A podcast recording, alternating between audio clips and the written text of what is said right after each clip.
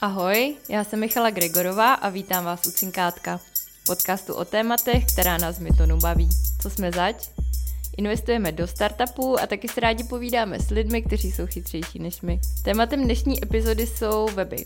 Taková jakože triviální věc, ale možná ne tak docela. Mm, a mými hosty jsou autoři knížky 75 typů, jak si říct o web, konkrétně Jakub Goldman a Martin Kopta. Ahoj. Ahoj. Ahoj. Pojďme do té knížky, přímo na začátek. Cituji. Drahé chyby se dělají nejčastěji na začátku a na úkolech, co nejsou vidět. Pak je těžké je opravit. Co se tím myslí? Celá ta naše knížka vlastně posiluje pozici těch, těch lidí, kteří si říkají o web nebo o nějaký digitální produkt, tak aby vlastně pochopili, co ten designer dělá, co ten kreativec, čím se zabývá. Pro spoustu lidí je to black box a my se snažíme to nějakým způsobem rozklíčovat, aby lidi měli odvahu se ptát, jakým způsobem ten kreativec dochází k těm výsledkům a třeba to mohli dost eh, včas buď zastavit nebo nějakým způsobem korigovat, aby vlastně třeba chyby na začátku, to znamená typicky v průzkumu nebo v konceptu, nebyly potom drahý při té realizaci na konci. Vy tu knihu máte rozdělenou na pět částí. Výzkum, za druhý proces, za třetí koncept, za čtvrtý dodavatele, za pátý design. Já jsem si vybrala z každé té části hinty, citace a poprosím vás, jestli to můžete okomentovat, a nebo ideálně vztáhnout i na nějaký konkrétní příklady, které se týkají víc téhle bubliny, protože ta knížka je psaná víc jakoby do široka. První část výzkum. To zní jako strašně drahá věc a mě zajímá, jak to konkrétně vypadá, co vy myslíte pod termínem výzkum a jak, jestli, se to dá, jestli se to dá udělat i na koleni, aniž by to současně nebylo spíš jako kontraproduktivní.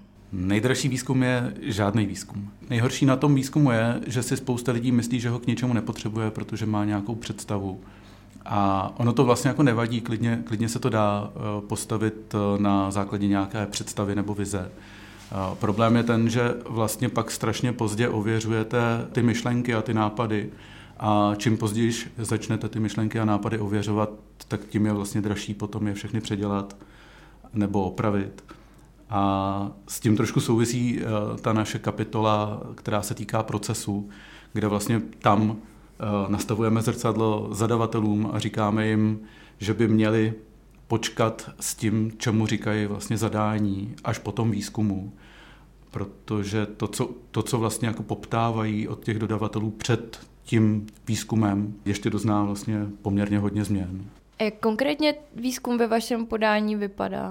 Tak třeba v naší agentuře eh, je to především nějaká analýza toho současného webu, to znamená nějaký, dejme tomu ze začátku heuristický sken toho, co vlastně vůbec oni mají. A potom se zabýváme nějakýma workshopama, to znamená, že se snažíme napříč lidmi eh, u klienta najít vlastně momenty, které by mohly ten produkt posunout dál. Pro mě vždycky takový velký zadosti učinění je, když jsme schopní dodat takový výsledek, ten klient změní něco i třeba procesně u sebe, což se netýká vůbec toho designu nebo té další spolupráce, ale pomůže mu to i jinak. Dám příklad. Dělali jsme třeba web pro velkou kliniku estetické medicíny, a podařilo se nám vlastně změnit proces jejich objednávek a toho vlastně, jak ty pracovnice na recepci navolávají lidi ze zahraničí. A to, co oni mysleli, že budou muset řešit webem, který my jsme dělali znova, tak vlastně dokázali zjednodušit ještě o krok dřív. Vy tam máte radu, že si má člověk ujasnit, pro koho ten web dělá. Není tohle to trošku knížecí rada, nebo jak, jak to mám zjistit, aniž bych musela dělat další drahý výzkum? Většinou stačí si třeba popovídat s potenciálníma eh, zákazníkama a ujasnit si vlastně, mm, co je ten problém nebo ten důvod, proč vlastně na ten web přicházejí. Už jenom tohleto zabere třeba jen půl hodinky, když si s těmi lidma povídáte, stačí si popovídat se třema z pěti. Myslím si, že tak náročná záležitost to v tom výzkumu není. Já třeba můžu říct, že podle mě persona je dobrý nástroj pro marketing, ale pro web to nemusí vždycky dobře fungovat. Pro začátek a zvlášť třeba pro malý podnikatele nebo pro startupy úplně stačí, když člověk udělá krok dozadu a ten web nedělá jenom pro sebe, aby uspokojil prostě svůj ctižádost anebo aby sám sebe dostal do klidu, ale opravdu se zaměřil třeba i na minimum, ale zákazníků, který už má. Vy tam máte takovou docela vtipnou radu, co se týče rozhovoru s těmi potenciálními zákazníky. Vy tam říkáte, sbírejte zpětnou vazbu a ne knížecí rady od Sefura z pevnosti Bojar. Můžete tohle to vysvětlit? A docela často klienti vlastně oslovují designéry s tím, že předpokládají, že ten designer má nějakou zkušenost a že z ní bude čerpat a tím pádem se dá ušetřit na tom výzkumu. A překvapivě vlastně ty nejzkušenější designéři na tom výzkumu vždycky trvají. Takže ten otec fura je často prostě někdo, kdo eh, těch zkušeností zase tolik nemá a prostě jenom chce vypadat důležitě před tím klientem a holci prostě vymýšlí.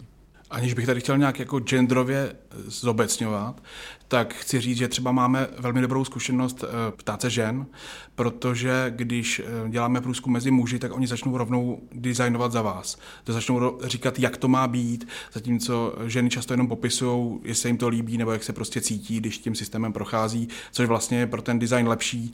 A to jsou právě ty ty rady od Sefura, který by člověk neměl následovat, ale spíš jenom se dozvědět, co ten uživatel ehm, si myslí nebo, nebo vidí. My v té knižce Okus dál vlastně radíme, že se nemáme ptát hypoteticky lidí, co by chtěli, ale že máme požádat o to, aby nám řekli eh, něco o své poslední zkušenosti. A potom se pokusili tu poslední zkušenost nějakým způsobem zobecnit. A tohle je vlastně trik, který používají profi, výzkumníci, aby se právě těm eh, radám knížecím vyhnuli a aby tam k těm hypotetickým situacím vůbec nedocházelo.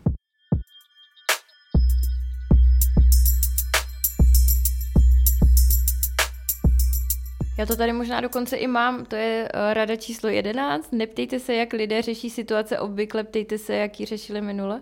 To je přesně ono. Protože obvykle začne člověk ze sebe dělat toho otce fura a když řekne co posledně, tak vlastně jenom plácne to, co má v hlavě a to je vlastně to nejcennější pro výzkum. Já se posunu k tomu procesu. Vy tam máte radu Poznejte designérský proces. Super. I ta vaše knížka to nějak jako nastínuje a rozpadává to, jak to chodí, ale jak ho zjistím už v té konkrétní spolupráci? Prostě se mám na začátku toho člověka zeptat, jaký je váš proces? Proč ne? Řekne mi to, jo. No, dobrý designer vám to řekne. Spousta designérů vám bude tvrdit, že má unikátní proces. Ale když se potom podíváte na ten Double Diamond, který v té naší knížce je, tak zjistíte, že každý ten unikátní proces víceméně se dá na ten Double Diamond napasovat. Protože ten obecný princip designerských procesů je vlastně pořád stejný. Obecně řečeno by vlastně každý profesionál měl být schopen říct, jakým způsobem se toho svého výsledku dobírá. A to z toho důvodu, že je klidně možný, že kreativec nebo designer nebo kdokoliv udělá tu práci pro vás intuitivně dobře. Ale když nenásleduje nějaký proces a není schopen ho s váma diskutovat, tak když se objeví problém, tak vlastně nejde rozklíčovat, kde se stál, nedá se vrátit zpátky na tu cestu. A ještě si můžu odpovědět z druhé strany. Všichni chtějí vědět, jak získat dobrýho dodavatele, třeba toho, kdo jim udělá web. Všichni chtějí vědět, kolik to bude stát, ale nikoho nezajímá vlastně ten proces designerský. A my říkáme, to je ten důvod, proč ty první dva body dopadnou špatně. Vy se o to musíte trochu zajímat, aspoň rámcově, protože pak si budete umět vybrat dodavatele a pak budete vědět, že ta cena je správně. To znamená, vy po mně chcete, abych tomu, abych se něco prostě naučila, protože mi to pak pomůže být lepší zadavatel. Pomůže vám to třeba vypustit to, co nemusíte kupovat. Hele, ale stejně, i když mi ten designer popíše svůj proces, tam je spousta návazností a do tvorby webu je zapojená strašná spousta lidí, jakou já mám vůbec šanci tohle rozklíčovat, co tam dává a nedává smysl, případně s kým to mám konzultovat, nebo jak si to mám ověřit, že neutrácím peníze za něco, co nepotřebuju. Mně v těch procesech pomáhá vlastně jít odzadu, ne od začátku. A vlastně se vždycky ptát, jako, co potřebuju k tomu, abych se do tohohle stavu dostal. A tímhle tím způsobem se vlastně můžete vyhnout uh, následování nějakých slepých uliček a taky můžete vlastně včas rozpoznat, když třeba ten designer se zamiluje do nějaký jako podružní činnosti. Jo, spousta designérů prostě rádo designuje, tak uh, budou trávit spousty času na zlepšování uživatelského rozhraní nebo na dotažení interaktivity v prototypu, což jsou věci, které můžete klidně uh, říct, to už stačí, půjdeme dál, budeme pokračovat někam dál. Takže když když budete v tom procesu odzadu, tak budete vědět, kde ta návaznost vlastně, nebo v čem ta návaznost spočívá a jaký jsou ty podmínky pro to, aby už jste nějaký výstup té předchozí činnosti považovali za dostatečně dobrý jako vstup pro tu následující. A to je takový strašně suchý. Ne? No, spíš tam by, tady by pomohl příklad. Od čeho jdeš pospátku, aby si zjistil, že třeba XY nepotřebuješ? Hmm. A teď vlastně designéři designují ve Figmě. A ta Figma jednou za čtvrt roku přijde se spoustou nových feature. A designéři si je všechny chtějí vyzkoušet.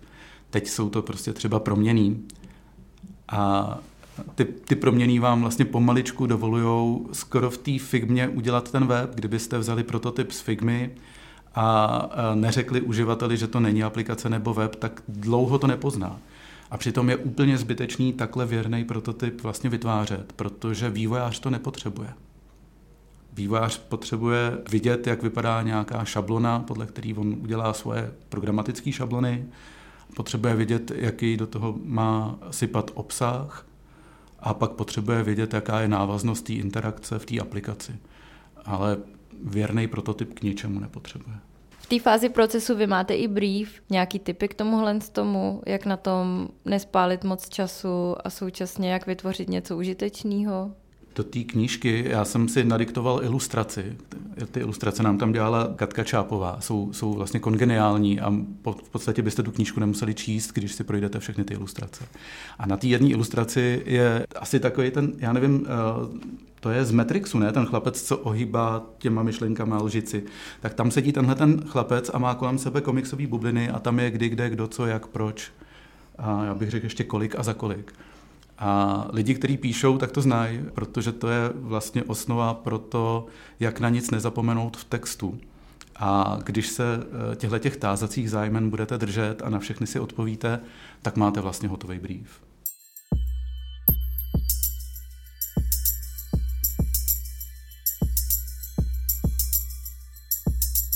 V té části koncept vy říkáte, stanovte si základní hypotézu, čeho chcete webem dosáhnout. Mě to překvapilo, neměl by tohle být první krok? Jo, je to jedna z těch strategičtějších jako otázek. Narážíme na to, že vlastně lidi, kteří jsou nějakým způsobem ponořeni do toho zadání webu, tak už se fokusují přímo na ten digitální produkt. Ale ve výsledku to je vždycky jenom podpora něčeho. Prodeje nebo nějakého odbavení lidí od někud někam a tak dál. A často na to ty zadavatelé zapomínají a my se snažíme je vlastně vracet zpátky z toho Matrixu ven do reality, protože právě může dojít tomu, co jsem říkal, že se to dá odbavit i jinak než tím digitálním záměrem původně. Tak jako designér přemýšlí tím, že kreslí, tak ty klienti dost často přijdou a řeknou, dobrý den, my potřebujeme aplikaci. A takový ten designerský for je klasický prostě odpovědět na to, a proč aplikaci. A, a tohle to je vlastně, to je, to je vlastně jako to, čím by se ta spolupráce měla začínat. Protože ten klient by měl vlastně se zamyslet a říct si, já vlastně nepotřebuju aplikaci, já tady potřebuju uh, vyřešit nějaký svůj problém nebo odstranit nějakou překážku, něco získat nebo něco zoptimalizovat. A tímhle tím by vlastně ta spolupráce měla začínat s těma designérama. To jestli to pak bude aplikace nebo něco jiného, nejspíš to pak bude aplikace, jako tak je to designer aplikací, tak vám tu aplikaci navrhne. Jasně, ale ten smysl třeba je, aby lidi nechodili po trávě nebo něco podobného. Měli byste nějaký příklady dobrých a špatných nebo dobré a špatné hypotézy? Pro mě dobrá hypotéza je ta, na kterou si eh, odpovíte ano, takhle to je, když je to vlastně špatně. Protože náš mozek chce, aby se odpovídalo na ty otázky ano. A když ta odpověď ano je vlastně, že něco je špatně, typicky prostě uh, hypotéza je, že až půjdu se nechat otestovat na AIDS, tak budu pozitivní. Jo. Tak já nechci být pozitivní, že jo? ale když by ta hypotéza byla, že budu negativní, ano, jste negativní, tak, tak to je jako tak je to vlastně jako špatně postavená hypotéza, protože nás to nenutí vyvinout velký úsilí na to, aby jsme ji popřeli. A my vlastně ty hypotézy stavíme proto, aby lidi vyvíjeli velký úsilí, aby je popřeli. Já bych stejně asi potřebovala nějaký příklad spojený s webem. A nemusí to být od konkrétního klienta. Pořád nemám, ale taky odpovím jako Martin. Obecně se dá říct, že lidi rádi měřejí to, co lze jednoduše změřit. A vlastně špatná hypotéza je taková, která už předem je vlastně drivovaná tím, že já se těším na pozitivní změnu v nějaký jednoduchý metrice, kterou se potom můžu chlubit prostě kamarádům na golfu nebo podobně, ale ve výsledku ta hypotéza by měla být ambicioznější, než je prostě něco, co už teď přesně vím, jak změřit. Často je to prostě málo pro změnu. Vy tam hodně zdůrazňujete takovou tu známou zásadu, že nemám lidi nutit přemýšlet. Eh, máte pro mě nějaký typy, jak to zjistím? I třeba vůbec bez motivace ten web jako předělávat, ale jak si udělat nějaký check zdravotní, že vůbec ten můj web říká ty věci tak, aby to lidi nenutilo přemýšlet. Já jsem si vždycky myslel, že existuje něco jako typický uživatel. Jo, prostě je 5% lidí, kteří vždycky budou popletený, ale 95% uživatelů používá náš web tímto způsobem. A potom jsem, když jsem byl poprvé v seznamu eh, se podívat vlastně na nějaký uživatelský testování, tak jsem byl zděšený, že prostě 20 lidí používá web 20 různými způsoby. Takže nenutit uživatele přemýšlet pro mě vlastně znamená těch 20 různých způsobů, které tam vždycky budou, co nejvíc přiblížit k sobě. Takže ta rada vede jako k uživatelskému testování? No, já jsem uživatelský výzkumník a pro mě řešením úplně na všechno je uživatelský výzkum, takže já bych řekl, že uživatelský testování to být může. Ale pak máme taky spoustu signálů, že se nám lidi ztrácejí na webu, třeba nám píšou na otázky, na které na tom webu jsou odpovědi, nebo Kubův oblíbený je vrátný vždycky na úřadě, kde lidi se chodí ptát vrátného na věci, které se týkají vlastně řešení těch úředních záležitostí. Takovýchhle signálů vlastně se dá najít spousta a nemusí to vždycky být jenom uživatelské testování, čím přijdete na to, že se vám lidi ztrácejí na webu.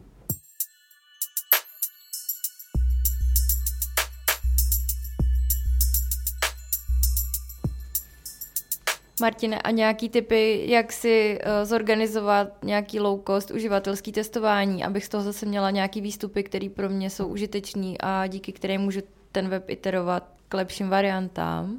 Dneska jsme v Karlíně, tady je spousta hipsterských kaváren.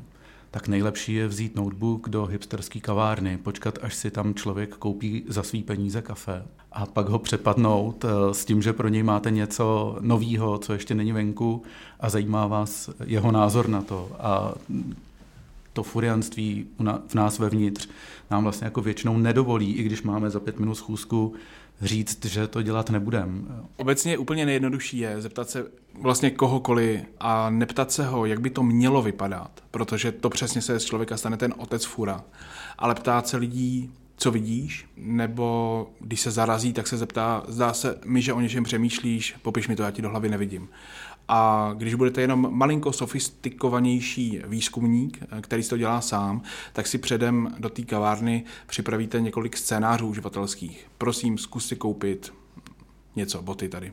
A já jsem ještě na Andělu často, když to vypadalo, že nám nikdo na nic jako nebude chtít odpovídat, tak jsem zinscenoval hádku s někým a pak jsme žádali lidi kolem sebe, aby nás rozsoudili. Jo, kdy, kdy prostě tam já sedím s designérem a říkáme, já si myslím, že to má být takhle. A designer mi tady kreslí pořád tohle. Pojďte se na to podívat a řekněte nám, jak to má být. A oni nám to ty lidi většinou nějakým způsobem rozsekli. Hele, a když s těma lidma dělám nějaký uživatelský scénář, já Prostě takže vy říkáte, počkám, až si zaplatí to kafe, abych to nemusela platit já, přijdu k němu a řeknu, hele, my jsme tady knihobot, my od lidí vykupujeme knížky a potřebujeme vědět, jestli ten náš proces je prostě srozumitelný. Můžete jít na knihobot.cz a zkusit nám dodat knížky a pak ho jenom jako pozoruju a ptám se, poslouchám ho nebo spíš koukám, kam kliká, na co se mám jako soustředit když tohle s tím člověkem dělám. Já na tohle mám takový trik. Já těm lidem na začátek vůbec neřeknu, že to je knihobot. A zeptám se jich, jak by se zbavili knížek.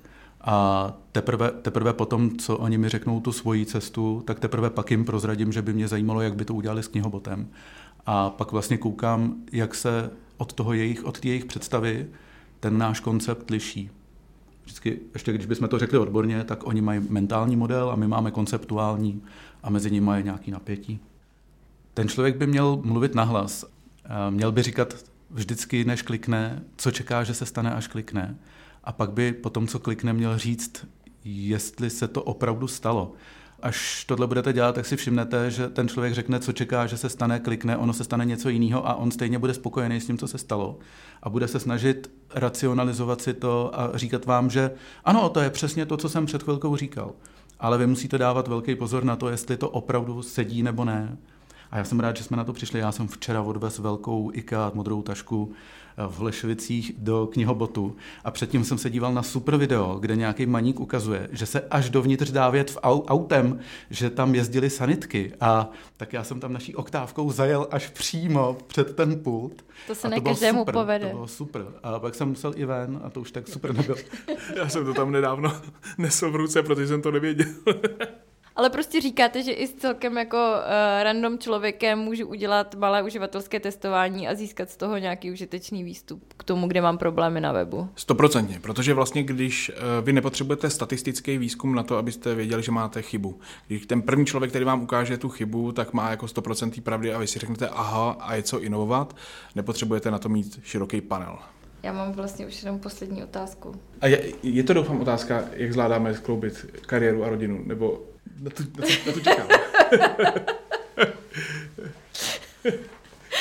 na, to, na to čekám co Vy v té knížce máte 75 typů, obviously, protože se jmenuje 75 typů. Je nějaký váš oblíbený nebo důležitý, který byste rádi pro naše posluchače vypíchli? Já mám rád ten s tím autem. Ten je dobrý, ne? Web, web stojí jako auto. Jaký auto? Když se někdo zeptá, kolik stojí web, tak prostě já to vím přesně. Web stojí jako auto.